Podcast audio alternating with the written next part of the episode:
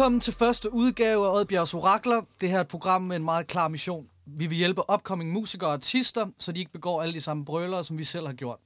Konceptet er enkelt. I sender dilemmaer og spørgsmål til os, og vi inviterer nogle af landets mest interessante musikere og artister i studiet, og sammen finder vi frem til nogle gode råd.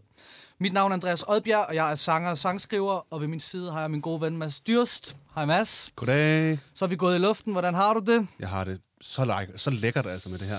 Vi skal jo, øh, vi skal jo have præsenteret øh, dagens gæst. Vil du, ikke, øh, vil du ikke nævne nogle meritter? Det vil du tro. Dagens gæst er født i Hundi. Han er 36 år gammel. Den mest spillede komponist og tekstforfatter på dansk radio i 13, 14 og 15, hvilket også betyder, at han er en af de mest spillede i tierne overhovedet. Har udover, han har udover sin egen øh, succesfulde øh, solokarriere arbejdet med blandt andre Burhan G. og Rasmus Sebak, og i dag arbejder han intensivt med den unge popkomet Chris Burton. Han er kendt af mange som dommer i X-Factor og beskriver sig selv i sin Instagram-bio som sangskriver og far. Dagens gæst er Anker Stjerne. Uh! Velkommen til. Yes! Hej, drengene. Hej. Uh, ja, kæmpe ære. Tusind tak, fordi du var med. Altid. Um, og vi går sgu bare lige på hårdt. Uh, Anker, vi forestiller os, du er 16 år gammel. Du har et dilemma. Der eksisterer den her radio. Vi- Den er rejst tilbage i tiden. Hvad vil du have lyst til at spørge os om? Jeg tror, at jeg vil spørge jer om det samme, som, som jeg faktisk bliver spurgt næsten, næsten allermest øh, om selv, og det er, hvordan fanden gør man? Det er det, vi alle sammen starter med, ikke? Det er det der med, hvordan fanden kommer man... Altså, jeg hører tit formuleringen, kommer ind i branchen, eller kommer i gang, eller, eller bare, hvordan fuck gør man? Ja. Øh, og det, det, det spørgsmål gik jeg også rundt med. Jamen, øh, jeg synes jo, det er meget passende. Det er jo noget, jeg selv tænker enormt meget over. Øh, ja, i forhold til sådan... Man, man, man, man gik virkelig lang tid der og havde følelsen af, at der var en eller anden nøgle, der lå under en eller anden sten eller bag en dør, som, som kunne låse det hele op. Ja, altså der var jo ikke nogen som helst i mit nærmiljø eller i familie eller, eller nabolag, der, der var noget ved musikken. På no- jeg kan huske, jeg tænkte over sådan senere i mit liv, at jeg kunne lige så godt have gået hjem til min far og sagt, at jeg ville være snor snup. Altså det var lige så, det var lige så usandsynligt Ja. at blive til Ja. noget. Der var ikke nogen, der blev til noget. Altså i hvert fald i nogle af de kvarterer, jeg vokset op i, der havde man fornemmelsen af, at ingen blev til noget som helst. Men, ja. men, men især ikke nogen inde i fjernsynet eller i radioen. Så det var bare sådan, du ved, jeg ved det ikke, jeg har tit tænkt over, at jeg på en eller anden måde er... Altså, min største force er, at jeg er velsignet med at være en lille smule dumdristig, eller sådan... Jeg er, øh, jeg er tilpas naiv, ikke? Altså, sådan, jeg har bare gået for den umulige, fuldstændig umulige. Og hvis jeg mødte mig selv nu, altså mig, 36 år mig, møder 16 år mig, så jeg, lad være, det skal du lade være med. Det, skal... det er en sindssygt dårlig plan. Ja. Forstår du, hvad jeg mener? Ja. Hvis nogen kommer sådan, jeg kan ikke spille noget. Jeg kender ikke nogen. Jeg, du ved, jeg vil gerne bare satse alt på det her. Alt på rød. Det var, det var en crazy dårlig plan. Og lige i forhold til det der med at satse alt, nu ved jeg jo, der er en historie om, at du laver et kæmpe mic drop øh, meget, meget tidligt i din karriere. Jeg har jo lavet vanvittigt mange Du har lavet rigtig mange mic drops, og Ja, nogle mere men- effektive end andre, kan man forestille sig. Men der er et her, øh, hvor du skal hjem til din mor ligesom at forklare. Må vi ikke prøve at få den historie, bare lige sådan i korte træk? Jo, jeg tror, du er der i mit liv, hvor jeg virkelig har, har truffet beslutningen om, at jeg er sat i verden for at lave musik. Altså sådan, jeg, jeg kan ikke være til i andre tilstand, tilstande, andre, jeg kan ikke gå i skole, du ved, jeg kan ikke have et job, jeg kan ingenting andet, det, det her eller, eller intet andet. Jeg havde den der teenage, når man er teenager, har man den der fantastiske sådan skyklaps tilstand, hvor man bare sådan kan ignorere alt fakta og bare sige, det her, det får jeg til at fucking ske, og det er det her, jeg skal. Og så øh, gik jeg gymnasiet, og jeg, og jeg måtte bo hos min, øh, jeg boede hos min mor, øh, og vores aftale var ligesom, så længe jeg var under uddannelse, så skulle jeg ikke betale husleje. Men hun har altid været meget sådan tydelig omkring, hun skulle ikke have en eller anden tabersøn, der lå på sofaen, du ved. Så, så du ved, det der med huslejen, det galt kun, så længe jeg var under uddannelse. Det var det samme hjemme også.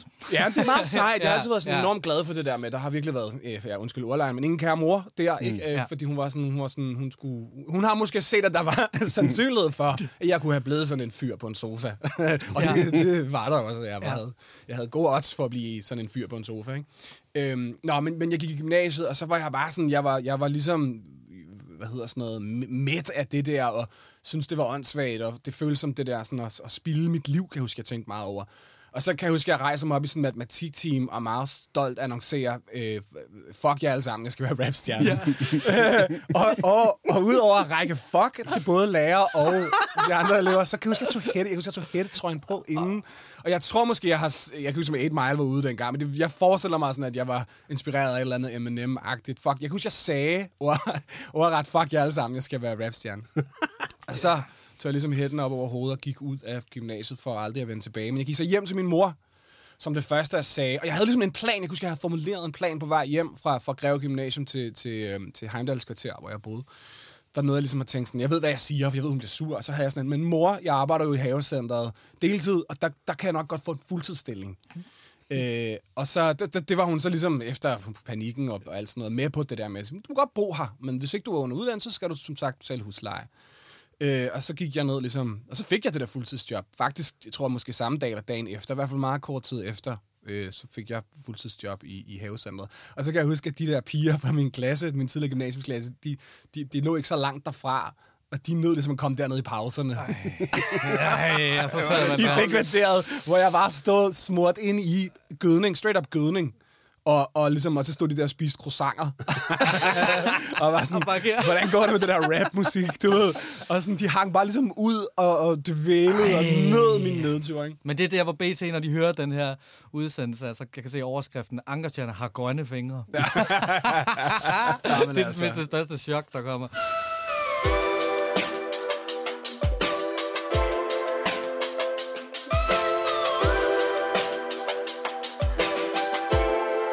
Vi skal i gang med vores første dilemma.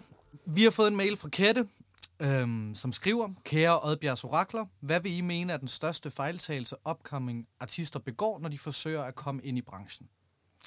Og Mads, jeg synes, vi skal starte, øh, vi skal starte over ved dig. Din, din vinkel på det er jo lidt noget andet end, end mig og Ankers i det her tilfælde, i og med, at du er musiker, og du ser ligesom tingene fra, en anden, fra et andet sted. Ja, jeg er ligesom en anden sted i branchen. Som, er. som man kan forestille sig, det første sted, du møder de her nye, håbefulde musikere. Enten så er det selvfølgelig en ny... Lad os tage udgangspunkt i en ny bassist. Du er ja. bassist. Hvad er det dummeste, en ny, ung bassist øh, kan gøre for at få komme til at spille med, med dem, de gerne vil spille med? Det er lidt... Øh, altså for det første er det, det vi snakker om, det der med at tro, der er en nøgle. Altså Ja, sådan, at, at, det er sådan en, at der er sådan en måde, hvor man kan... Altså, som, at det er ligesom at score. Altså sådan, at, sådan er det heller ikke, når man prøver på at score. Så er det ikke sådan, at man bare har én sætning, og så har man scoret. Sådan, det, det, det er summen af det hele. Mm-hmm. Og så er det noget med at være, altså, virkelig dyrke sit fag og være pisse dygtig. Og så være en, man gider at sidde i en bus fra København til Aalborg sammen med, fordi det er faktisk det, man bruger mest tid på i forhold til det med at spille. Det er en fantastisk pointe, jeg- det der med også at være, Ja. at være gode vibes i virkeligheden, ikke? Nogle, Men jeg ved også, undskyld, men jeg, jeg ved også, du har sådan nogle ting, sådan tilgang til det der med, når du skal ind i noget nyt selv. Altså det kunne være, man skulle prøve at dele nogle af dem mm. i forhold til, hvordan sådan noget med, hvor, hvad tid kommer man øh, til en øver, hvad det tid er. Altså hvordan forholder Præcis. du dig til de der ting, når du får et opkald, for eksempel? Altså, jeg forholder mig altid sådan, at det ikke er mig, der er stjernen. Øh, Så hvis øh, stjernen venter på mig, så er jeg allerede sådan en, et problem i det her. Jeg, jeg er sådan virkelig øh, hardcore med de her ting. Jeg kommer, mm. altså, jeg kommer ikke til tiden, jeg kommer kvarter før. Altid. Fedt. Al- altså, altid. Øh, Du er og, hyret. og hvis jeg ikke gør, så kommer der et kæmpe tip her. Hvis man ved, man er forsinket, så sig du er 15 minutter mere forsinket, end du egentlig er. Fordi så er du faktisk en positiv overraskelse, når Fedt, du kommer til, smart. til tid. ja, ja, godt træk Ja, også. det er et kæmpe trick, øh, som jeg så har ødelagt fuldstændig for mig selv nu. Nej, nej, men bare det, du, bare det, du gør indsatsen. Altså, Ja. ja. jeg, jeg, jeg, sådan, vi har lige ansat et nyt uh, crew til, nyt band faktisk, til, til Chris Burton Ja. der. Ja. Øh, og der var sådan en fyr, der hed, udover at de så spiller godt og sådan noget, så er det bare sådan, de, det er noget, et øh, fif, der, de er rigtig meget ovenpå e-mails. Ham der Stefan, Ja. som Ja. vi også begge to kender, som er keyboard, keyboardmand. Han er bare sådan, han svarer hurtigt og tjekket på e-mails. Og så er han bare åh, du passer dejligt ind i mit liv. Ja. altså sådan, så det, det hører jo lidt til et andet sted, end det mest oplagte, som er spil røven ud af Præcis. bukserne. Obviously. Men, Men det er givet på forhånd, Ja, at man gør det. Altså, det, er, det er en del af branchen. Du kommer slet ikke ind, hvis du ikke kan spille. Præcis. Og, og sådan er det jo i stort set alle dele af branchen. Hvis du Ja. ikke kan dit skidt, så kommer du bare ikke ind. Nej, så er der nogle andre, der også kan. Så, så det tager vi bare som en givet. 100. Men jeg tænker også, der må ryge så meget i din indbakke, Anker. Også fordi, at nu, man sidder der som X-Factor-dommer, jeg tænker også, man får også lidt prædikatet af, at du kender svaret på, hvad Ja. folk... Altså, øh, Ja, det er hvad, rigtigt. hvad, og der, der må der er selvfølgelig gode, eksempler og dårlige eksempler. Hvad, hvad, hvad, hvad, hvis du sådan, synes, hvad er det er værste, flest- du oplever på en eller anden måde? Jamen, ja, det værste, jeg oplever, er, når folk bare sådan dropper et link i mine DM's. Ja. På sådan en på sådan en indgang med en, en forklaring, indgang en inspirerende, sådan en, hey, jeg, jeg er herude og drømmer, eller du ved, der er ikke noget med at prøve at vække en interesse eller sympati, mere bare sådan, tjek det ud, mester, sådan en eller anden emoji. Du ved, var bare sådan, nah, faktisk ikke tjekker jeg det ikke. Bare sådan energi, kan jeg mærke. Ja. Det, det, det, er sådan, det, det, det må du selv lige klare, den der. Ja. Øh, hvor, fordi jeg synes, jeg er også fra en anden tid på en eller anden måde, men jeg synes bare, hvis man ligesom siger, hjælp mig, eller, eller du ved, for det vil jeg gerne, jeg, jeg tror, den næste store ting i mit liv venter derude et eller andet sted. Så bare sådan, apropos det der med at være en cool type, en, en, en sympatisk mand eller kvinde, eller hvad man nu er, øh, så vis lige det i den DM så på en eller anden måde. Skæld, ud- skæld dig ud, skæld dig ud og være gode vibes. Ja. Øhm, Jeg vil også sige, fordi der er noget i, altså fra, også nu kan jeg huske fra min, fra min egen tur her, som, som jo også er, øh, altså ved at komme hertil jo også er virkelig at starte i Odense og ikke kende nogen, nogen øh, mennesker overhovedet, ikke? Fordi jeg kontakt dem, jeg har i hvert fald undervejs finder man ud af på en eller anden måde, at det der med at række ud øh, i noget, der også er en privat sfære, altså man, man kan være så fokuseret på, og det er der, jeg skal hen, at hvis man så en eller anden gå forbi på gaden, så kunne man næsten finde på at tage fat, eller være, altså det er der slet ikke nogen respekt for den private sfære, men nu når jeg er så på den anden side, hvor det er meget gerne folk vil være fat i, så værner man jo enormt meget om den der private sfære, så det er sådan en, ja. På tank, den anden side, ja. så vil man jo bare altid respektere drømmeren, der tager skuddet. Mm. Derfor vil jeg til hver en tid altid sådan... Selvom jeg er verdensmester, jeg er nærmest social angst, du ved, når jeg fisher i Føtex, og nogen kigger på mig, så fanden kigger de på? Så, det er min egen skyld, fordi jeg er i fjernsynet hele tiden. Altså sådan, men, men jeg, jeg er dårlig til det, du ved. Men på den anden side kommer man og siger, hey, jeg, jeg skal være sangskriver, du er nødt til at høre mig. Mm. Så, så du ved, så er det 99,9 procent af alle, af, ud af 100 af gangene pisseirriterende. Men, men der skal bare være Altså, jeg, jeg respekterer en drømmer mere end noget som helst andet, så der må jeg bare ned, hvor jeg inviterer til alt muligt irriterende for mig selv nu. Men, men det mener jeg faktisk. Ja. Fordi det er jo det, vi laver. Det vigtigste af alt er det jo, det er jo, er jo drømme. Ikke? Altså, det er jo sådan...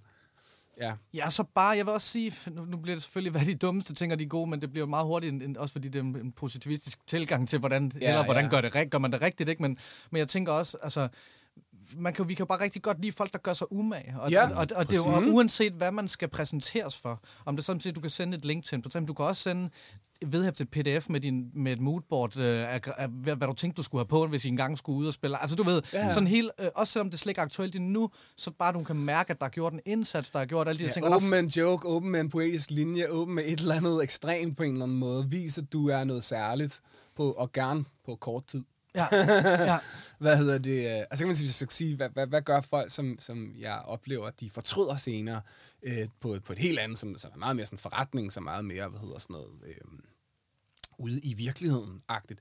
Det der med at signe for mange dele af dig selv væk for tidligt, det tror jeg skulle, øh, der er mange, der bliver ked af det over tid. Altså, Kan du der- forklare, hvad det betyder? der mener jeg for tidligt at, at få en manager, sådan uden at vide, om manageren er, er den rigtige, eller pissegod, eller Ja. fortjener 20 procent af, af, af, af din indtægt, eller publishing, eller du ved, jeg hører bare alle mulige, du ved, jeg møder alle mulige folk, der sådan lige har taget første skridt på deres karriere, der har en day-to-day, du ved, en day-to-day manager, ja. som er sådan en, der kan ordne din kalender, hvor jeg bare sådan, hold kæft, mand, du kan godt selv gå ind i fucking iCal, altså, øh, og lad være med, og det, det er jo både på sådan en, det er jo både på sådan en øh, menneskelig konto, hvor jeg ønsker for folk, at de beholder, du ved, fordi deres værdi på en eller anden måde. Og, og, men samtidig er det også bare sådan, hey man, du er mere magisk, er vi heller ikke. Du kan godt finde ud af at komme til tiden, du kan også godt finde ud af at holde en aftale. Du kan også godt ligesom sige A eller B, du ved. Jeg synes, jeg synes folk kommer til tit sådan meget, meget tidligt at, sådan at, at hælde ud af alle de der, fordi pro- procenter, hvad er procenter? Mm. Hvad vil det egentlig sige? Det er sådan en Ja. underlig størrelse. Det betyder bare del af de penge, du tjener. Og så giver du dem til alle mulige hatte, som måske ikke øh, fortjener det. Men det er jo interessant i forlængelse af det her at snakke om, hvordan vi ligesom har fået, ja, fået folks opmærksomhed selv, og ligesom, fordi man siger, at selvfølgelig har der også været dumme ting undervejs. Øh, Men det lykkedes jo. ja, det, lø- det, det, det, det gjorde det jo, og, og, jeg, og fra mit, men noget, der bliver ved med at gå, i, gå igen i mig en følelse, det, det er det der med, at jeg troede i så lang tid, så mange år, at, at så jeg mig så blind på, at der skulle være, at jeg skulle have de rigtige mennesker omkring mig til at åbne dørene, at jeg glemte at kigge på det produkt, jeg gerne vil leve af. Altså jeg glemte mm. at kigge på sangen, jeg glemte mm. simpelthen at kigge af, var musikken god nok? Og hvor man kan gå den der følelse, nærmest sådan en hel forestilling om, at man har brug for, ja. Men, men må jeg prøve at høre, jeg to, hvad, øh, vi kan starte med dig, Anker, hvad, hvad, hvad, ja, hvordan, hvordan fik du sådan fat? Fordi der er noget med noget Nick og Jay. Og noget, Hvordan kommer du ud af, af havecenteret? Ja. Ja, altså, mm, det er jo en lang, lang, lang serie af dårlige beslutninger, og, og, og nejer, og, og af sange, jeg er lykkelig for, ikke ligger på YouTube. Øhm, jeg, jamen, jeg... Jeg indspillede en demo. Altså, jeg, jeg, okay, det skal jeg lige starte et andet. Jeg starter den her historie et andet sted, fordi hvem bare har indstillet en demo, det er også bare sådan, hvem, hvordan det, du ved. Men jeg fik af min daværende kæreste, da jeg var 15 eller 16 år gammel, der fik jeg ligesom en dag i et rigtigt lydstudie. Det er straight up noget, hun har købt i et dameblad. Du ved, om bagerst i et dameblad har der været en annonce for sådan noget, kom i et rigtigt studie, ikke? Til 1.500 kroner eller sådan et eller andet. ikke? Ja. Øhm, og, og, og, øh, og det var jo ligesom det største, ligesom, der overhovedet kunne ske i mit liv. Udover, for det første havde jeg en kæreste, hvilket var sygt, var det sygt nok, altså. sygt nok i sig Ja. selv. Og så var hun tredje G'er, og sådan, jeg var vir- hun var virkelig, øh, hun var sendt fra himlen, hende der. Bare det, at der var nogle kvinder, der, jeg så fuldstændig sindssyg ud. jeg har set billeder. Du har set billeder af det, det, det, er virkelig, jeg så sindssygt ud, det ved jeg. Det har hun så på en eller anden måde været til. Og så, har hun sådan, så købte hun øh, en dag i et studie, og det ender med en, en tur til Horsens, hvor det der studie lå om bagerst i en legetøjsbutik, og jeg tror også mest, det var en hobby, og der var flere gange, hvor jeg tænkte, at det føles lidt som sådan et overfald, eller du ved. Men, men det resulterede ligesom i en demo, hæslig demo, med, med det eneste, jeg kan huske fra den, det var, at, at, øh, tit, at første vers på første sang varede 46 takter, og andet vers varede 12. Det kan jeg huske, jeg, sådan, da jeg genbesøgte det på et senere tidspunkt i mit liv, og var sådan, hvad er det for et stykke redsel, jeg havde skabt? Og så rappede jeg super, det var rap, engelsk Ja, rap, ja. og jeg rappede super grafisk om sex. Okay. Okay. Jeg har måske haft tre, okay, jeg får hunde så et par stykker af sådan nogle oplevelser, men Ja. ikke i den grad. Jeg rappede bare sådan noget, Helt... suspekt ville blive pinligt Ja, berørt. okay, Okay. Altså, det var sådan noget. Og så øh, stod jeg der med den, og så kan jeg huske, at han så sendte den ham der fyren, vi købte den der dag i studiet, eller hun forærede mig den der dag i studiet fra, der sendte den der demo, så havde han lagt det, som jeg i dag ved, er oktaven oveni, altså sådan en musestemme pitchet Ja. op oven i alt rap. Er alle rappen. Oven i alt rap. Så havde sådan to forfærdelige sange med den der musestemme. Featuring mus. Featuring smølfestemning. Ja. Og jeg, jeg græd jo, da jeg hørte Ja. den. Altså, jeg havde, by the way, for det første løjet for alle mine venner og sagt, det havde været, det var, jeg tror, Dre, Dr. Dre var der vist. og Jeg så ham ikke, men jeg kiggede, han gik lige ud, og det ved, det var, sådan, jeg havde bare kørt den der historie om den der tur til Horsens, op til, at nu er jeg, det næste, der kommer til at ske, er mig i tv. Hej, hej, det var fedt at kende jer, ikke? Og så havde jeg det her lorte CD. Lang historie. Men det, jeg ville frem til, var bare, så stod jeg med den her skod CD, som jeg godt vidste var skod. Og så var jeg sådan, det er jo, hvad jeg har. Og så begyndte jeg bare at sende den ud til pladeselskaber, og til radiostationer, og til biblioteker. Altså, du ved, sådan... ja, det, altså, sådan, der var mange, der var søde og bare skrev, ja, ja, nej, nej.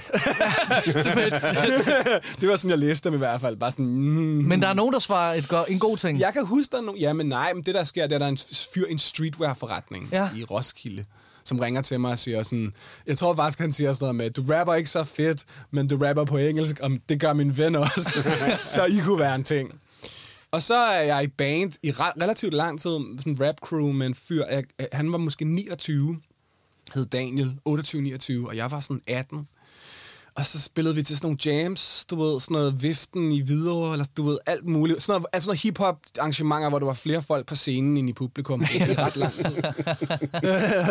øhm, ja, og så på en eller anden måde, via den der tid i undergrunds-hip-hop, som jo var en super vred tid, øh, der står jeg på et tidspunkt i et studie på Amager, hos en producer, der hedder Lil J, og møder Joey Moe af alle mennesker.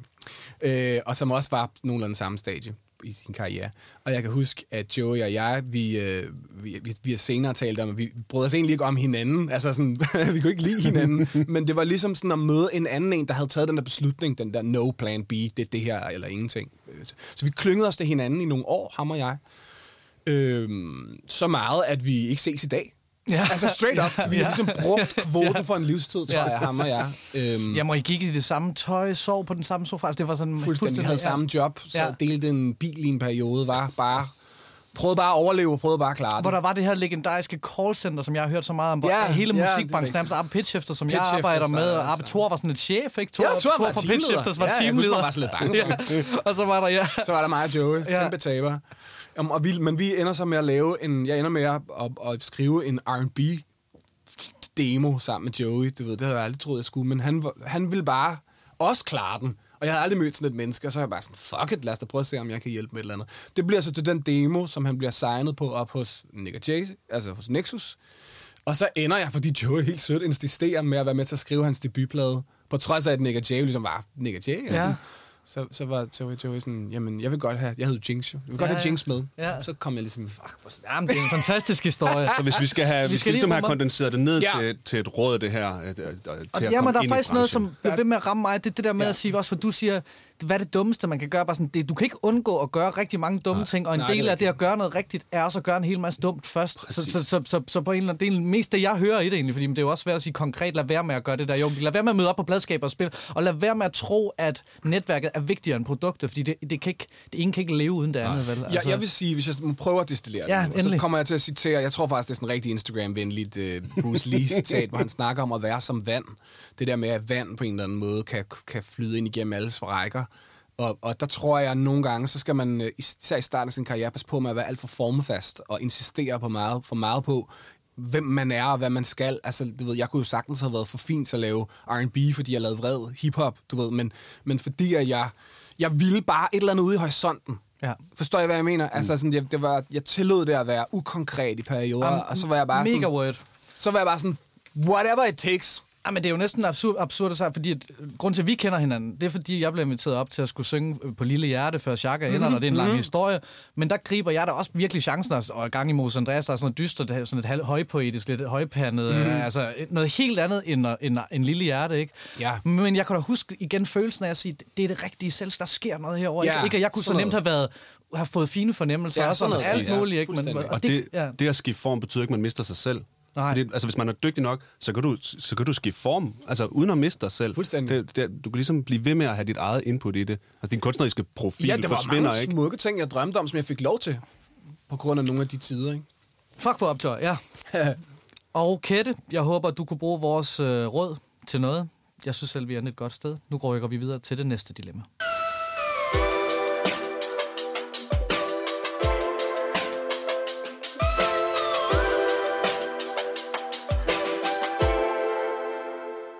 Det er bandet Regel, der har skrevet til os, og de skriver følgende.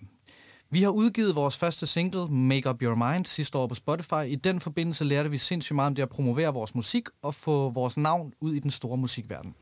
Vi gjorde alt det korrekte i forhold til at, korrekte, i forhold til at promovere godt, både før og efter udgivelsen, ved betalte reklamer på Instagram og Facebook, skrive til flere medier, Bands of Tomorrow, Gaffa og så videre, i forhold til omtale. Øh, vi blev faktisk indstillet som et bud til karrierekanonen, men kom desværre ikke med. Vi gør alting selv i bandet og ikke signet ho- hos et label.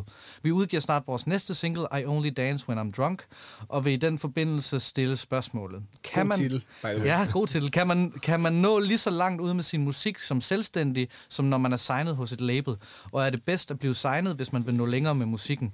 Med venlig hilsen også i regel. Det vil sige, det de egentlig spørger om, det er, har man brug for hjælp? Det behøver ikke kun være label. Jeg hørte også lidt som om, det de spørger som, skal man have en booker for at spille shows? Skal man have en manager for at tage fornuftige beslutninger? Ikke? Mm. Øh, hvad tænker du, Anker? Fordi Det korte svar, det ja. korte svar er nej. Øh, det korte svar er, at, at, at det, det kan jo lade sig gøre. Vi ser hver eneste dag eksempler på folk, der, der, der knækker en eller anden mystisk viral kode og lige laver et 8 sekunder, der passer ind i et eller andet, alle mennesker af en eller anden grund, grund går og mangler. Altså, det er, det er skidesvært og hamrende sjældent, men, men, men der findes jo eksempler på folk, der er så DIY, at de bare sidder i deres soveværelser og laver et eller andet mirakel, og at så, så skal resten af, af verden nok ordne sig for dig. Øhm, men den er svær, altså, og den er ikke rigtig for alle. Men det korte svar er nej, man, man skal ikke nødvendigvis have hverken pladskab, management eller booking eller noget som helst andet. På et eller andet tidspunkt, hvis det går godt, så har du brug for hjælp. Altså til nogen, der ligesom kan, kan hvad hedder sådan noget, tage sig af matematikken, så at sige. Men, men for at klare den, tror jeg, der tror jeg skulle, øh, altså... Men jeg vil også sige, fordi lige nu, det er jo først for nylig, du har fået management på. Øh, Ja, ja det er vildt underligt. Ja, men, jamen, og, og, og, det har da sat sådan lidt... Jeg kan huske, når jeg har mødt dig og været sådan... Du lavede X-Factor og var ved at lave tre plader og var ved at lave altså, far og var, altså, milliard ting, og jeg var sådan... Jeg boede i min toværelse og havde lidt gang i... Altså, også gang i nogle ting, men, men jeg havde manager, og du havde ikke, eller sådan, hvor jeg også nogle gange fik sådan fuck, hvor- både mega sejt, men også op og uover... Altså, Ja, ja, og, det er og, også, Og der må have været ligget... Altså, hvad, hvad, Først og fremmest hvad ligger tankerne bag, at du... Øh, Jeg vil meget gerne snakke om det her rigtig lang tid. Først og fremmest så skal det siges, at grunden til, at jeg ikke til at starte med havde management, var, fordi ingen ville. Ja. Jeg kunne jo ikke få en pladekontrakt, eller der var ikke nogen, der ville hjælpe mig jo. Nej, nej. Øhm, så, så, så derfor var det sådan på må at få. Det var sådan, nå, nå, jamen, øh, så prøver jeg selv. Det startede jo med det. Og så undervejs, så, så tror jeg, jeg begyndte, da pengene så begyndte at komme, da det ligesom begyndte at lykkes, så, så har jeg nok været sådan, fandme nej, om jeg så bare skal forære en eller anden fyr i et jakkesæt øh, 20 procent af Ja, det for det kan vi jo sige, det er jo ikke sikkert, at folk ved, det er den standard management-kontrakt er ligesom 20 procent Ja. af alt, hvad du tjener. Ja, du tjener 100 kroner, du giver 20 kroner Ja. videre. Ja. Så, så, så, så tror jeg måske, at jeg var, jeg var jo nok lidt armende over kors, øh, fordi at der netop ikke havde været nogen, der ville hjælpe mig. Så var jeg sådan, så jeg skulle da bygget alt det her selv. Jeg gider da ikke at give noget til nogen. Nej. Øhm, og det betyder også, at jeg har lavet en masse fodfejl, og det betyder også, at jeg, at, at, du ved, at jeg ved en masse ting, men, men det har kostet dyrt, ikke? Og jeg har helt klart også været enormt, jeg har været meget stresset, meget mere end mine kollegaer, mm. altså, som har haft management, fordi jeg så, når, udover at jeg har lavet sangen og skrevet sangen, og, og du ved, instrueret musikvideoen, og hvad fanden jeg ellers skulle tilsnuske mig, men så har jeg også lige skulle hjem og prøve at forstå skatteregler, og finde ud af, hvad, får, hvad står der i andre folks kontrakter, og, Ja. og sådan noget. Øh, så Men er jeg det vil ikke også fedt at kunne Jo, sådan ja, det, er, Altså, altså, det, det, ja. er en Det- kombination. Det er virkelig en kombination af, at jeg er super glad for, at jeg øhm, ved det i dag, men jeg kan mærke i min krop fysisk, at jeg har lært det. Ja. Altså, der er ikke noget af det, der har været let. Jeg har ikke gået nogen skoler, Nej, nej, nej. så jeg har bare lavet fejl og været sådan, okay, note til selv. Ikke det der, altså sådan på den måde, hårdt, øh, hårdt tjent erfaring. Jeg tror lige, jeg vil vende tilbage, fordi vi snakker jo, vi kom jo lidt ind på det før med det gamle, eller med det første dilemma, øh, der med management, og med, at der er øh, en... Musikbranchen udefra for rigtig mange mennesker er jo, øh, tror, er der mange, mange, der tror, at det er øh, store tykkebaner, kokain og øh, sek, gratis sex og sprut og glimmer. Ej, og, bare der var lidt af Altså bare, Bare lidt af det. mere.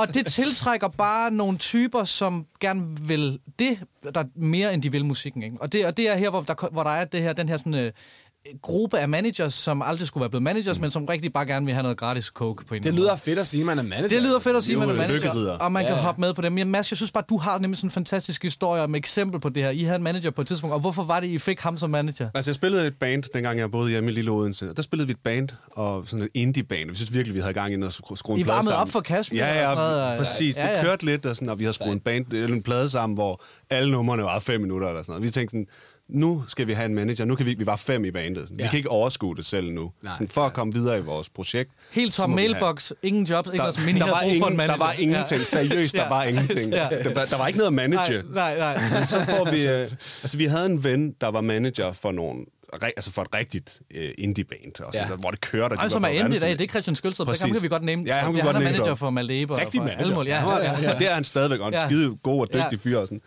Øh, men han ville ikke lige være manager for os. Men han havde en ven, øh, som gerne ville være Som manager for. Ja, ja, præcis. For han var ikke manager. Nej, fedt. han var bare sådan, bare det var fedt at være med. Og han så lidt sej ud, ikke? Han, så, han havde sådan, øh, han havde sådan en larve henover. ja, ja. øh, Det kan jeg over- sådan. Ja, det er rigtigt. Jeg synes bare, han var sej. Han så sådan rock ud, og han boede i København, og vi boede i Odense, så han var vores manager, og det hjalp ikke en skid. Altså, han, jeg vil sige, ja. han tjente heller ikke nogen penge. Nej, nej, jeg er heller ikke ham. Nej, præcis. Men jeg forstår jo godt impulsen. Jeg forstår jo godt sådan, om, så, er vi jo, så er man måske noget ved musikken, eller så er man lidt i gang, hvis man har en manager.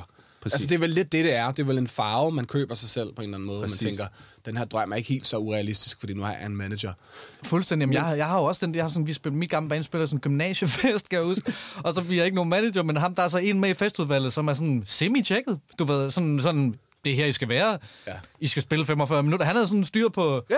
styr på det, der nu bare havde styr på. Og vi sådan bagefter sådan, han kunne sgu godt være vores manager. Og, hvor, når han også lige bliver vores manager i tre år, og basically det han var, det var sådan, her er der en oplukker, og du ved, vi skal på om 10 minutter. Altså fuldstændig ingenting, men det er, at man har sådan tanken om, hvis man har en manager på det tidspunkt der, så, så- så er det også sådan det der med at møde. Jeg kan huske nogle gange, så var vi sådan, skal vi bare skrive, lave en mail, så det sådan en fiktiv manager, fordi så tager folk også mere seriøst. Det kan huske, vi tænkte meget i, om man kunne gøre et Det eller er heller andet. ikke nødvendigvis helt, og det er helt dumt. Og der findes også historier, der starter sådan der, som ender med, og det og Scooter Braun. Du ved, eller sådan, der er jo nogen, man starter jo et sted. Men Ja. ja. det handler nok om det der med, hvorfor man gør det. Du ved, hvad, hvad skal det være? Er det, er det en fed hat? Er det en jakke, Præcis. du køber? Basically. Pisse dyr jakke, der er bare sådan, vi er sådan nogle lidt management-agtige typer, du ved. Eller er det fordi, at der, at der er en god energi af en eller anden, du tror på, der tror på dig? Fordi så kan det jo være, altså, så kan det jo være sindssygt meget værd. For, for at svare, for ligesom at på en eller anden måde Ja, ja, ende et ja. sted. Så sige, jeg har nok tjent en del flere penge øh, ved at klare alting selv. Det, eller, det har jeg. Men jeg har til gengæld også Øh, jeg er 36, men jeg er også 50. Ja. Jamen, det, og det, det er jeg jo. Jamen, det er jeg jo. det jeg. Fordi jeg er bare s- træt, Ja. ja. efter, efter at have tænkt på alt i, i for lang tid. Så, Så, ja, og jeg synes også, der er et vigtigt element i det, fordi det er jo meget med øh, forhandlinger og alle sådan ting. Det er jo det, en, en rigtig manager blandt andet står for. Ja. Og det, som man så slipper for artisten, er, det er, at man slipper for ligesom at gå ind og være den, der tager konflikten. Det vil sige, hvis der Ja, er en konflikt, mm. hvis man ikke bliver enig, jamen, så er det aldrig, nu har jeg manager, det vil sige, det er ikke mig, der tager en konflikt. Når du har siddet med det selv, jeg tænker, Jeg har taget hver du har taget konflikt. alle konflikterne selv, og det må også have en eller anden p- pris, tænker jeg, at, 100%. at, at ud af din karakter, du kan ikke bare være ham, der er high five, vi ses i baren, nogle gange er du også ham, der siger, du får ikke mere. Det har eller, bare været, altså, ja. har 100% rigtig hovedbesøm, og det har bare været en intens tilværelse, også fordi mange af de mennesker, jeg har forhandlet med, har været gode venner, eller folk, jeg skulle skrive, nu siger jeg virkelig i anførselstegn, kunst med. Ja. øh, altså, du ved, øhm, så, så det, øh, det kan jeg. Det kan jeg. Jeg kan forhandle. Jeg, jeg, jeg er god til det. Men det, men det er hårdt, synes jeg. ja. Øhm, kan, man, kan man dele det op? Jeg ser, jeg ser sådan ligesom to typer af folk, der har, øh, der har manager. Ja. Altså der er ligesom, og I repræsenterer på en eller anden måde for mig øh, begge typer. Altså den ene, det, der er det, at Andreas han har manager, fordi der måske skal struktur på os. Og, Ja. ja. og, og du har manager nu for ligesom at, at købe dig noget tid. Og, Ja. og, og du, du er ligesom den, og hvis vi tager inden du fik manager, ja. der Ja. er du ligesom den strukturerede type. Det Ja. slår du mig i hvert fald. Ja, Ja, ja. ja. Vi kender jo ikke hinanden. Nej, nej, men det er helt sikkert. Det slår mig som den strukturerede type, at du ligesom du har kunne administrere det, fordi du ligesom har kunne køre et Excel-ark selv, og kunne køre en, øh, en, en, en kalender, der fungerer. Ja. Er, er det, er det ja, helt, det er helt rigtigt. Det er helt rigtigt. Øhm. Og, og havde også behov for, jeg tror lige så meget som nogen kan have behov for at være sådan en type, der har en manager, så havde jeg nok i en periode også type for at være sådan en type, der ikke havde manager. altså som bare sådan, det kan jeg selv klare, bare ring til mig, og jeg kan godt finde ud af både at være den, og samtidig øh, finde ud af, hvad skal jeg senere i dag, eller sådan. Det Jeg, sige, jeg får sådan lyst til også at sige, at, at det er meget vigtigt, at alle de her bands, der sidder ude med der musik, og, og har de her tanker om, hvordan bliver vi dog set. Vi er en hel masse, der lever af, at der kommer øh, mig som sangskriver og, og Anker, både du er jo også selv manager i dit liv nu for nogle andre og sådan noget. Vi vil så gerne se den gode, høre det gode musik. Vi vil så gerne se det gode ja, act, og vi er, vores øjne er derude. Altså, så, så det der med en manager, der skulle skubbe et eller andet, der skulle gøre et eller andet, fokusere på musikken. Altså, jeg har det virkelig Det er så sådan, jeg har, brugt, jeg har ja. selv brugt alt for meget tid på at tro, at altså at sende uh, mails ud til, eller sende breve ud til, jeg ved ikke, hvor mange pladeskaber for at få en pladekontrakt og sådan noget. Der det er igen en lille historie, hvor vi, jeg kan tydeligt huske, at vi har købt konvolutter og brændt CD af vores gamle lorteplade øh, med mit gamle band, der vi sidder i Odense og slikker, så vi ikke har til vores tu- tunger er at være helt tørre af sandpapir, ikke? Går ned med alle de her 100, vi har fundet adresser på alle pladeskaber i hele Danmark, sender de her CD'er ud mm-hmm. til dem alle sammen.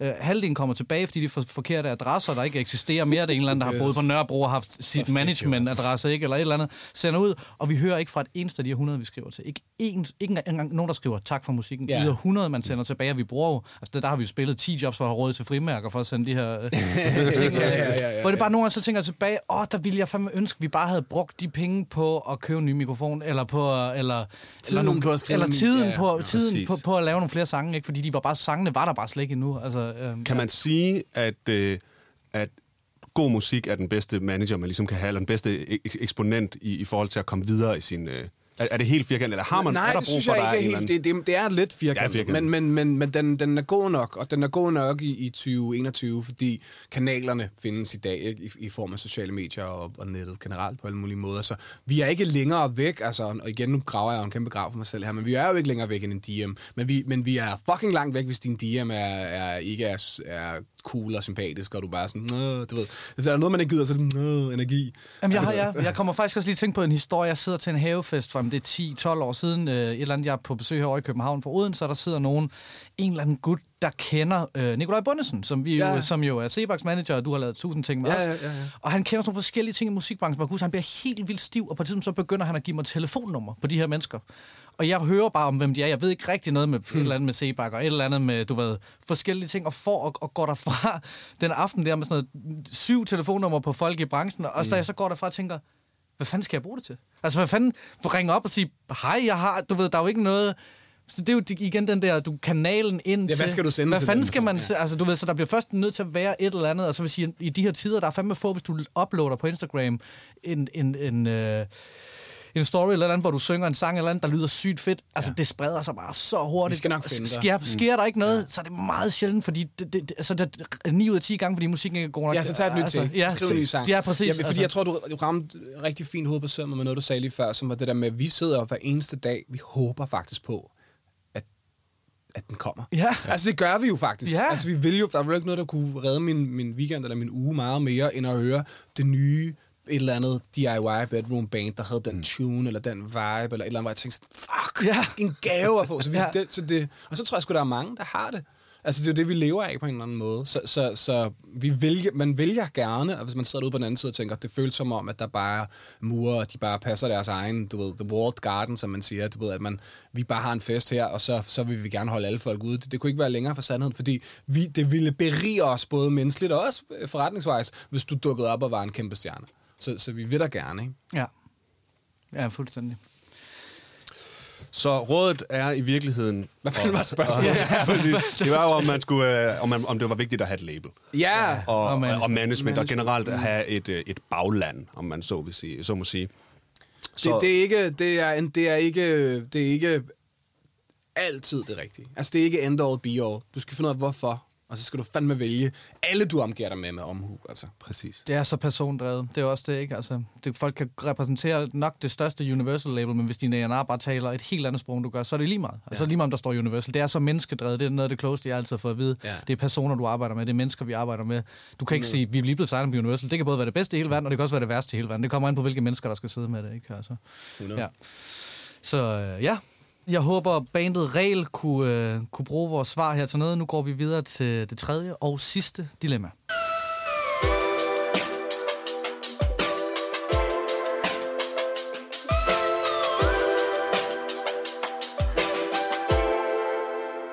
Og det er bandet, og nu skal jeg håbe, jeg siger det rigtigt, enten er det Acacia Music, mm-hmm. øh, det er i hvert fald det, vi kalder det nu. Og de skriver, Kære Oddbjergs orakler, orakler, hvor vigtig er lyrik? Hvor vigtig er en virkelig historie øh, fra et reelt sted? Det må betyde noget med, hvor vigtigt er det, man har oplevet øh, det, man skriver om, og er det okay, at det bare rimer? Så, øh, så det, det vi ligesom kan, og jeg tror, det er et ret ungt band her. Jeg tror faktisk, at det er Niels Olsen, der spiller guitar i det, som er min helt gamle lydmands søn. Øh, hvis jeg skal være Ja. Så der kommer lige en lille hilsen ud her. Men, men, øh, men tekster, hvor vigtige er de? Og Jeg synes, vi skal starte lidt sjovt, for jeg ved, du har masser at sige om. Jeg har en hel masse at sige. Dig som producer og som øh, musiker og som bassist og sådan noget. Hvad, hvad er dit forhold til tekster? Fordi du, du ser det igen et, et lidt andet sted fra. Altså, jeg har jo, det er ikke mere end to-tre år siden, at jeg opdagede tekster. Altså, det er seriøst. Jeg, det er helt seriøst. Øh, og jeg er stadigvæk rimelig øh, ignorant på, eller ikke ignorant, men jeg er stadigvæk meget uvidende om området. øh, Men jeg synes, det, jeg har fundet ud af, at det øh, i virkeligheden tit betyder mere, end det gør for mig også, selvom jeg ikke har, har dyrket det. Jeg kan huske, at jeg havde en oplevelse inde i Vega, hvor jeg så Minds to 99, Ja. som jeg anbefaler alle at gå ind og se, fordi ja. det er bare et skide godt live Enig. øhm, hvor de spiller øh, det nummer, der hedder Engel. Mm-hmm. Og min kæreste, som går vildt meget op i tekster, prikker til mig og siger, at det handler om, at han skal have et barn. Mm. Det havde jeg overhovedet ikke fattet. Jeg tænkte bare, engle, oh, okay, jeg kan også godt lide engle, de er fede. Ja. Altså sådan, og, og min søster var gravid på det tidspunkt, mm. øh, hvilket er meget... Min søster har et meget tæt forhold. Og, øh, og, og så kan jeg lige pludselig, jeg kunne mærke, at den der tekst, den betød noget for mig lige pludselig. Og at det der med ord, det virkelig kan gå, gå ind i sjælen på mig. Øhm, så på den måde er tekster noget helt nyt, og siden da er jeg virkelig begyndt at dyrke det, og specielt i mine produktioner også nu, og, og selv når, i mine in mix, altså når vi spiller live og har in er jeg faktisk begyndt at skrue voka- vokalen godt op. Og kæmpe kompliment Som jo ellers før var, var, var, var lavt. Altså selv Andreas' øh, øh, vokal ryger godt op i mixet nu. Altså, det, øh, Før har det bare kun været bas. mere eller mindre, altså, og trommer. Og Klik, klik, track ja. og bass, bare. Men Det, så, så for mig er det noget, øh, noget helt nyt, Ja, okay. men for dig er det jo ikke noget nyt, øh, Anker. Jamen, jeg skal sige, du repræsenterer jo virkelig noget i den danske branche, som, vi, som, er, som er en hel masse i Los Angeles men som, øh, og i London, men som i Danmark, det er lidt en, jeg ved ikke, hvorfor det er oversat på den måde, men du kommer fra ligesom en, en rap-baggrund, men, men lyrisk bliver ligesom også mentor eller tovholder på nogle af de her allerstørste sange. Vi kender nogle af Burhans største sange, nogle af Rasmus Sebaks største sange. Er du meget inde i de her tekster og fortæller de her historier? Hvad, altså, jeg ved slet ikke, hvor jeg skal starte med det. Okay, jeg for ved dig. godt, ja, fordi det jeg gør, har en idé til start. Jeg synes ikke, det er så vigtigt, at det der med, har du oplevet det i virkeligheden? I bund og grund, så har jeg det sådan her, em- øh, emotionel sandhed er, er, er, synes jeg altid er vigtigere end sådan konkret sandhed, hvis vi forstår, hvad jeg mener. Altså sådan, så, så jeg behøver ikke, at- det behøver ikke at være baseret på en sand historie, det behøver bare på at være baseret på noget sandt. Øh, så, så, så nogle gange, så kan man godt, hvis man er dygtig, øh, sidde der på sit teenageværelse og aldrig have været kærester med nogen, men male et billede af, hvad det vil fucking sige at være kærester. Altså, det, det tror jeg godt kan lade sig gøre. Det, det har jeg set eksempler på, altså, hvor vi kender begge to Chris Burton, så skriver om alt muligt enormt voksent og sådan, du ved, putte ind i fibrene i det at være menneske, som bare sådan, har du ikke været rimelig meget derhjemme? Du ved? Hvordan har du sådan, Ja. hvorfor ved du det, du ved? Ja. Så, så, så det, det var det ene øh, svar, det der med, behøver man have oplevet det i virkeligheden, og sådan noget, hvor vigtig er en god tekst. Jamen, det kan betyde alt, det kan også være fuldstændig ligegyldigt. Altså, sådan, det, er det er jo musik, Altså, så det er ikke fordi, jeg, ligesom, jeg kan sagtens høre masser af instrumental musik, eller musik, hvor teksten er på et andet sprog, eller sådan, eller jeg, jeg ikke fylder så meget, og sådan og stadig bliver rørt af det. Øh, det bliver mere, kommer mere til udtryk, når det er en dårlig tekst, synes jeg, hvis nogen synger et eller andet, hvor man tænker sådan, det er i hvert fald ikke dope, du ved. Øh, men, men det er klart, min egen tilgang, helt personligt min egen tilgang, at, at det startede der for mig, også min kærlighed til musik. Jeg forelskede mig jeg ville slet ikke være her, hvis det ikke var for rapmusik, fordi jeg forelskede mig i, i sproget og ordlejene og, du ved, historien, du ved. Altså, det er jo, det er jo ligesom sådan at sætte, læse en bog eller se en film, eller sådan, det er sådan noget gangster-rap, jeg voksede op med. Så det startede med der, og så er det så vokset til, at jeg kan lidt med melodier og lidt med flow, så det er så blevet meget sådan, uden helt at vide, hvorfor, er blevet meget sådan helhedsagtigt. Så jeg, jeg plejer altid sådan at skal jeg beskrive det for nogen, så jeg er ligesom, eksisterer ligesom i to øh, niveauer, to lag, hvor noget er helt nede i materiet i forhold til, til, til tekst, og i forhold til, hvad der rent faktisk bliver sunget, og så meget op i helikopteren i forhold til, hvor skal sangen hen, og hvad, hvad for en produktion, hvad for en retning og sådan noget. Det er ligesom de to øh, steder, jeg er. Jeg ved, der er sådan et breaking point, da du hører Amy Winehouse. Ja. Øh, kan, kan du prøve at sætte os ind i det? Fordi det, det, er noget med, det har noget med Rasmus også at gøre, Ja. den, det der med at skrive de ting, ikke? Ja, men det er jo det her med sådan at, at, at netop være tekster først, og så på en eller anden måde via Joey være væltet ind i det, og hvad vil det sige at være sangskriver, og så var jeg pludselig det, og det havde jeg egentlig aldrig forestillet mig, at jeg skulle være, og sådan noget. Men jeg blev, jeg tog en beslutning om, at jeg ville være det, fordi jeg hørte Amy's Frank, altså hendes første plade. Jeg var virkelig blæst bagover af Amy. Altså snakker om, ligesom, jeg så sådan nogle øh, på Facebook lang tid, lang, lang, lang, lang, lang tid inden rehab og hele den der tid, hvor hun sad op og, og sang sådan nogle covers og, og også nogle af hendes egne sange. Øhm, og så var jeg bare sådan, fuck, hvor er det bare sejt. Det gjorde alt det, som jeg synes rapmusik gjorde, som jeg synes The Streets gjorde, og Eminem gjorde, og alt sådan noget. Men så var det bare så melodisk fantastisk, og hun var den sidste store jazzsangerinde, du ved, eller hun var, ja, hun, kæft, hun gik i mine nervebaner. Det er så underligt at, være sådan, fordi hun senere hen blev det mest, sådan, det var en periode, hvor det var så crossover, du ved, min mor vasker op til det-agtigt musik. Men for mig, Amy først, det var sådan en, det var sådan, hun var sådan- sådan heroin-tynd, og stod der og sang de der sådan noget, øhm, sådan noget lidt sådan street gadeagtigt ind i en meget poetisk. Det løftede mig bare, og det løftede det i hvert fald op på et stadie, hvor jeg var bare sådan, okay, den her type popmusik vil jeg gerne lave.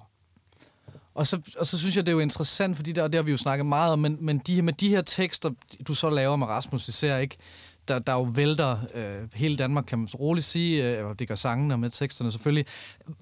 I har ligesom, I kommer fra at, at være sådan ret hårde rap agtige øh, skaldede typer med stort hår, der har det. Der, der, er sådan lidt, der er sådan ret gangsteragtige, og så laver I lige pludselig de her ting, som for nogen jo nærmest er, er det mest poppede danske musik, der nogensinde er lavet. Det er det nok også.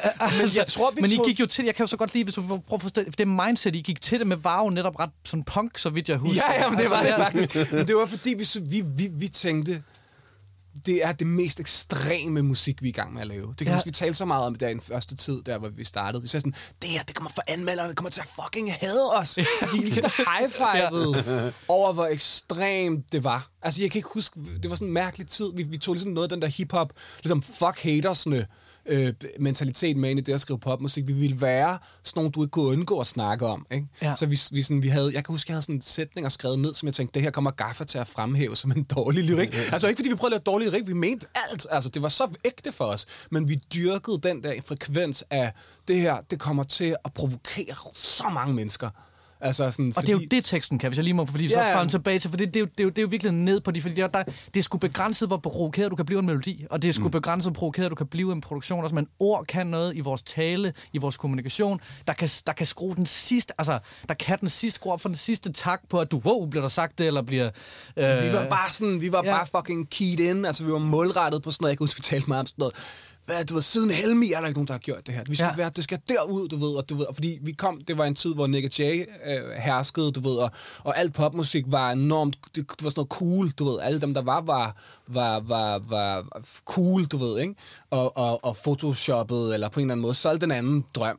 Og så kom vi bare sådan, hvad med vi fucking laver det der, vi voksede op med, det der Dodo and the Dodo, sådan noget, min mor spillede og sådan noget. Altså bare, jeg ved ikke, hvorfor, hvorfor vi synes, det var sådan, så vi, vi havde ligesom på en eller anden måde også fuckfingrene lidt oppe. Ja. Ja. Det er ingen, der kan mærke det jo. Altså, når du hører sangen, så kan du jo ikke høre, at der bag glad igen ligger to, to drenge, som bare havde sådan, det her, mand. Ja, du ved, vi synes bare, det var sejt. Det var vildt underligt. Hvis, jeg har lidt sjovt spørgsmål. Jeg, jeg vil bare lige, lad os lige lege en lille leg. Er der noget af det her tekst, du har skrevet med Rasmus? Ja. Øh, eller på dit eget. Lad os bare tage udgangspunkt i, i, dit, i dit, hele dit katalog. Hvad, hvad, hvad er du mest stolt af? Og hvad er du mindst stolt af, hvis vi kan tage det? Jamen, det ved jeg. Og jeg ved Bare godt, du det er siger fra- det, så kan jeg præcis, hvad det er. Jeg ved Okay. præcis, hvad det er. Øh, jeg jeg er mest stolt af en sang, der hedder Livet går videre med Rasmus. Øhm, den, den, den kan jeg godt sådan selv, hvilket er underligt, når man har været helt nede i materiet på den der måde, men selv blive enormt rørt af. For jeg synes, den handler om det at være menneske. Det er sådan noget med, at nogen går bort, og, og, og vi er her stadigvæk, og det, det handler vel om, at det går videre, og der, når han begynder at synge om det der med, at det handler om at give det videre til sine børn og sådan noget. Det, det bliver evighedsagtigt. Vi, vi snubler over en eller anden sandhed. Mm. Helt fuldstændig hjælpeløs der, som jeg bare kan... Når jeg hører den, så hører jeg, forestiller mig, at sådan, trækker sådan tråde tilbage til at stå i en eller anden, være sådan huleboer i en eller anden hule et sted, og ilden brænder, mens det regner udenfor. Jeg ser sådan nogle billeder af sådan fuck, det, det er noget underligt noget at være menneske. Og det synes jeg, den der sang, den taber ind i. Øhm, så den er, den er jeg virkelig fucking stolt af. Øh, øh, og jeg ved nærmest ikke at afsløre, at jeg har, ejer nogle procentdele på den her sang. Joey og jeg har lavet engang en sang, der hedder Jorden er giftig. den, er, den, kan jeg ikke, den har jeg det ikke så godt. Det er, det er lidt min anden, Og hvad er konceptet her? i- Ja, men det er ikke noget koncept. Det er bare, Det er bare det. konceptet Jorden er er bare, at Joey havde ramt den lige i røven med Jojo. Ja. Og så skulle man prøve at lave noget mere af det. Og jeg, og jeg kan huske, at jeg, mens vi lavede, har både ham og jeg var sådan, Nå, den er, jeg synes ikke, den sidder det, eller du ved. Og så blev den bare en single, og så var jeg sådan, "Ah, du ved. Ja. Jamen, sådan er det jo ja. nogle gange. Den, den, den er jeg ikke sådan 100% op og op, op, op. ja, men det er sjovt, men det er sjovt med tekst, ikke? Fordi for mig også, hvis jeg, fordi der, der, der har også virkelig været en rejse for mig i, øh, de- dels også meget inspireret af dig, Anker, men, men, men i hele taget også det der med, at komme, da jeg kom ind på konservatoriet og, og, og møde, jeg havde ham, der hedder Pablo Labias, der var rektor på forfatterskolen i, i syv år. Øhm, røg vist lidt ud af bagdømmen, det er en anden historie. Og, og, øh, og, øh, og, og ligesom jeg kommer ind i mine tekster og føler mig enormt kunstnerisk, og føler, jeg, jeg, har, jeg har den virkelig. Altså, det føler jeg virkelig, jeg har. Og de her tekster der, jeg kan huske, at vi har en sang, der hedder Morgenfrost, som jeg har skrevet, der sådan i virkeligheden noget med at beskrive, at jeg står op, men det er også lidt en pige, der ikke vil have mig. Og det handler også lidt om en anden pige, der ikke vil have mig på et tidspunkt, og så vil hun, altså, der er måske 12 temaer i den her sang, og for mig, hver linje giver total mening, ikke? og kommer ind og glæder mig rigtig til, mig til, til, til, tilbage i, i sædet min første dag der, tekstteam, og så flår han mig i stykker. Fedt, altså, han er fedt. bare, der er ikke noget, der giver mening. Der er 10, for, du bruger både han og hun, og du, er det den samme? Ja, det er den samme. Men det kan du ikke, du kan ikke bare skifte grammatisk tid. Så lige pludselig, alt det, jeg troede, der var kunstnerisk, det ja. var bare sådan, håndværket sad der bare ikke. Nej, der var klart. ikke en historie, der var ikke et narrativ, der var ikke en drejebog. Øh, øh, og, og det var jo et kæmpe, dels et kæmpe øh, slag, wow, men det var også en, det var også en lettelse. Det var sådan, okay, så det, det, det er ikke guddom. Jeg skal ikke bare hive digte, ord og sætninger ned og sætte mm. dem sammen til et eller andet, jeg forstår. Det skal have kontekst, og hvis yeah. skal røre folk, så skal det give mening. Jeg tror, at rigtig mange unge mennesker sidder med angsten for at være banale. Mm. Øh, det gjorde jeg selv. Jeg var enormt bange for at sige noget, der var banalt, og noget, som, som bare var... Og, og, og der tror jeg i virkeligheden, man skal flippe det. Man skal være bange for, hellere være bange for, at, være for, at folk ikke forstår det. Mm. Altså jeg vil i virkeligheden tage det meget mere med ind, og så sige, okay, så nogle gange så skriver vi noget, der er lidt halvbanalt, men så kan man tviste, kan man sige, den der ene sætning, man siger på en banal måde, det kan godt være, at alle kan, at det, den er sagt tusind gange, men hvordan kan vi så arbejde med den sætning, så vi siger det samme, men på en lidt frisk måde? Altså igen, det er, Ja. jo, det er jo håndværket ned og gå ned i det, og det kan bare... Ja, Det er også fordi, jeg, jeg synes, at vi er her i, vi er her i publikums tjeneste. Ja. Altså, sådan, det er jo ikke alles POV, men det er mit POV. Og ja, og er, min også sat, i jeg er sat i Ja. verden for at, at, at give noget til dig. Så hvis, hvis publikum ikke forstår det, eller ikke, så er det lige meget. Ja. Altså, sådan, så, kan jeg bare, så kunne jeg jo bare have lavet den MP3 ligge på skrivebordet, du ved ikke. Altså, Ja. Så, så det, er jo, det, er mit, det er jo det, jeg er, er her for. Og det kan man jo så sige til de her bands, og dem, der stiller deres spørgsmål også, det skal I jo gøre op med jer selv. Ja. Altså fordi, at, at det, at det, er der en kommersiel interesse af det her? Er det, er det ud fra, at vi, vi, I gerne vil røre folk, I gerne vil have, øh, ligesom du, du sendte mig det der meget rørende billede engang, at der stod tusind år på sådan en vimpel ind over en kiste med nogen, der en, der skulle begraves, som Ja, var en, sindssygt. som er en citat fra en sang, du har været med til at skrive, som jo for mig, hvis jeg, når jeg bliver spurgt om, hvad er det ypperste, så er det det ypperste. Mm. Altså det, det er det, man gør det for, inden blive en del af folks liv. Sige farvel, jeg bliver helt rørt, bare at snakke om det, Ja. selvom det ikke er mig, der har gjort det. uh, super, super fint, ikke? men hvor det er sådan, uh, det, det tror jeg, man skal gøre op med sig selv som band på en eller anden måde, og sige, vil vi sige noget, som folk forstår, eller vil vi lave noget abstrakt noget, men så samtidig også med, med tanken om, at det, det kom, får vi nok ikke så mange lommepenge, eller for mange gigs på. Eller, Nej, eller, er, fordi jeg synes, det andet er lige så cool. Ja. Altså, der er, det, det er lige så cool, og metaforen, eller ja. Den, det, det indadvendte. Altså, jeg synes kæmpe meget respekt for folk, der bare skal shoegaze hele deres tilværelse. I virkeligheden, Ja. det har jeg virkelig. Ja, jamen, det- jeg det- ved bare, jeg er ikke sat på jorden af den årsag. Mig, specifikt mig, mm. men derfor er det jo rigtigt og forkert. Det findes jo ikke. Altså, Og så vil jeg sige nu sjovt, den der, er det bare vigtigt, det rimer. Jeg vil faktisk sige, det kan være vigtigt, det rimer. Nogle gange er det også mega fedt, at det ikke rimer. er sygt. Ja, Du har lige lavet en sammen med Karl Knast, som, hvor han Præcis. springer et rim over, som jeg fucking elsker. Ja. Ja. Det gør han jo nogle gange, og så var jeg bare sådan, ha, det Jamen er sjovt. præcis, og jeg har selv- det sådan, ja, det Og jeg har selv gjort det også i den der sang til min far, der hedder Det helt okay, hvor jeg også nemlig versene, der er ikke nogen, der rimer, og der, der er flere, der har været sådan, "Jamen, du har sunget det der, det har rimet fuldstændig. Ja, men det er også, der er sådan, man får sådan en belønning i et, i et rim, der også kan larme lidt nogle Ja, gange, ja, der også kan være ja. unødigt, øh, ja, sådan følelsen, som Ja. også den der fonetiske belønning, så larmer lidt for budskabet. Altså, der, der er, meget- der, det, det, er jo virkelig, der er jo ikke et, et svar på det her, men, øh, men en rigtig god snak om tekster. Mm. Nå, jamen, ja, ud fra det der med øh, den del af spørgsmålet, der handler om, om noget, man har oplevet, der kan jeg huske, vi havde en snak engang, Anker, fordi det er jo ikke nogen hemmelighed, at du ikke altid har levet så spartan, som du gør nu, eller så, øh, hvad kan man sige, så sundt, haft så sund en livsstil, mm-hmm. at du har... vi hen nu? men du har på et tidspunkt, ligesom, øh, som jeg stadigvæk lever, sådan rimelig, øh, rimelig rock and roll, ikke? Men jeg kan huske, du sagde bare noget til mig en gang, hvor jeg, jeg tror faktisk, jeg var sådan lidt nede, og var sådan, åh, jeg havde sikkert levet lidt for hårdt, og havde lidt ondt af mig selv, hvor du, var, hvor du sagde til mig, det er meget vigtigt at forstå, at man kan godt have, man behøver ikke at leve hårdt for at skrive lige nu om at leve hårdt. Altså man kan godt grave ned mm. i nogle af de ting, man har haft.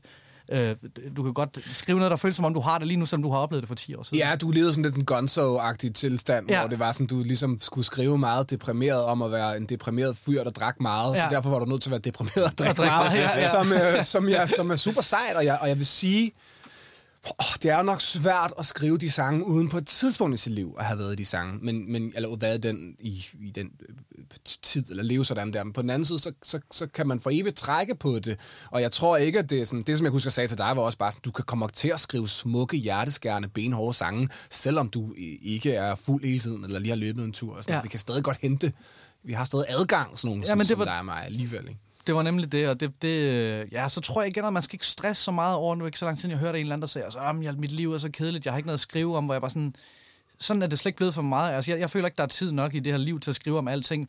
Øh, øh, jeg kan huske, han sagde noget meget klogt, min, min lærer der på, på forfatterskolen, der så sagde, forestil dig et kamera, øh, hvor lidt det kan nå at filme på 3 minutter og 20 sekunder. Mm. Sådan i forhold til, altså, hvad, der, hvad, hvad en tekst skal kunne indeholde på en eller anden måde. Altså, hvis man ligesom ser kameraet køre rundt, panorere, du skal fortælle en historie fra A til B med, med et kamera, der på en eller anden måde, hvor, hvor, hvor i hvert fald mit problem meget tidligt var at fylde for meget info, Ja, eller for ja. meget indhold i det. Ja, ja, ja. Hvor lige så snart man begynder at sige, okay, men altså, du har i et filmmedie, der har du halvanden time til ligesom at forklare noget med billeder, men hvis du kun har tre minutter til det, så kan du bare ikke putte ligesom, du kan ikke sige lige så meget.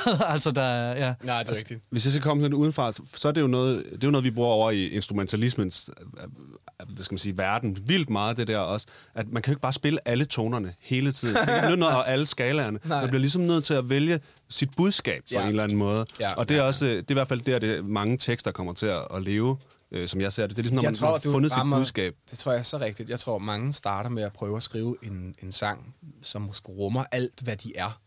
Altså, og det kan, det kan ligesom... Og nu nævnte jeg selv den der, livet går videre, mig Rasmus skrev. Mm. Det var sådan, en gang ud af en karriere kommer man nok til at ramme noget, hvor jeg siger, det er sådan... Men altså, resten af tiden skal man også... Momenter, eller sådan brudstykker. Det kan være sindssygt meget sandhed, og sindssygt meget liv i en fortælling om to venner, der står over for hinanden og, og drikker en drink. Eller sådan... Forstår jeg, hvad jeg mener? Eller en, mm.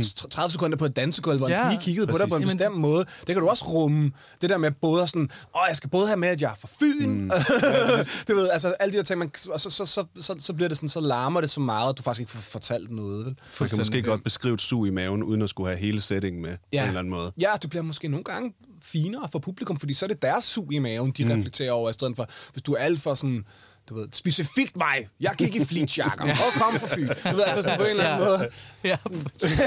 Som også kan være fedt. Det er også Ja, som også kan være fedt. Ja, det er jo så også det, der gælder for hver eneste gang, vi giver råd her. Der er for hver en regel, er der en undtagelse. Sådan vil også være med 100% alt, vi nogensinde kommer til at sige i det her program. Ja. Ja. Mads, vil du lige runde op? Øh... Ja, men altså, vi skal jo, have, vi skal jo ligesom have givet et råd til, de her, til det her unge band her, og jeg tænker, vi måske skal splitte, uh, splitte rådet op i, Ja. i to, og det ene, det kunne være, altså det er helt konkret i forhold til det her, at er det vigtigt? Ja. Og det, det synes jeg, det lyder som om, at det er det. Altså, teksterne er vigtige, så, så er det et spørgsmål bare, hvad man putter i dem Ja. i virkeligheden. Ja. Øh, Ja, lad os, lad os lade Ja, den- ja. Og, og sige, det er vigtigt, ja. Altså, det er i hvert fald... er det vigtigt, at det er mega dybt? Nej, men er det vigtigt, at der er taget lige så meget stilling til det, som man tager stilling til de resten af elementerne? Ja. altså, Og det, så ja. måske, er- altså findes der, nu er jeg jo, jeg er jo sådan en instrumentalist, så jeg øver helt vildt meget, ikke? eller gjorde i hvert fald. Øhm, er der et, en god øvelse? Er der et eller andet, man kan, altså er det noget med at sætte sig ned hver dag skrive tre vers i et år, så bliver du ja. bedst? Det synes jeg faktisk. Jeg synes Ja. ja. faktisk, at jeg gør det hele tiden. Du bruger udtrykket muskel tit, Andreas, som det der med melodimuskel eller tekstmuskel eller sådan noget. Det er bare sådan, det er. Skriv altså. Fyld din hjerne og din krop med, med, med veje hen til måder at sige ting på, fordi så for det første, så har du lige præcis dem, men så er du også trænet i at finde flere af dem, ikke? Til næste session. Så jeg, det tror jeg er på, det der med mm. skriv, skriv, skriv, skriv. øh, Og skriv dårlige sange. Altså, Ja. lad, lad dem komme ud, altså for guds skyld. Øh, Og det har vi alle sammen gjort. er du sindssygt, man er i gang med en dårlig sang lige nu? Ja, altså, præcis. præcis. kæft. Jeg skal hjem og lave en dårlig sang færdig. Ja, altså, få den ud af systemet, Ja. fordi sådan, den flytter sig, og så er der plads til en eller anden genialitet. Ikke? Øhm, ja. Fedt. Så øh, det vi siger til vores, øh, vores unge venner i Acacia, det ene det er, at øh, tekster er vigtige, og, og det vigtige er måske, hvad I putter i. Og øh, det andet det er, at I skal øve jer i at skrive de her tekster. Det var alt for første udgave af Oddbjergs Orakler. Anker, tusind, tusind tak, fordi du ville være med. Jeg håber, vi må ringe til dig en anden gang. Det skal du. Det, ja, men, ja, selvfølgelig, det kommer vi helt sikkert til. Tusind tak. Øh, jeg sidder du derude og tænker, åh, jeg har den her, det her dilemma med mit band. Jeg vil så gerne have, at de snakker om det. Så skal du sende det ind på orakelsnabelagradioloud.dk øh, Og vi vil bare gerne have så mange som muligt. Vi kommer forhåbentlig til at lave det her rigtig mange gange, så, øh, så jeg bare fyrer den af. Øh, og så vil jeg er der ikke andet at sige, end det var premieren. Det gik øh, nogenlunde godt. Alle har arme og ben i behold. Øh, og så siger vi bare, vi lyttes ved i, øh, i næste uge.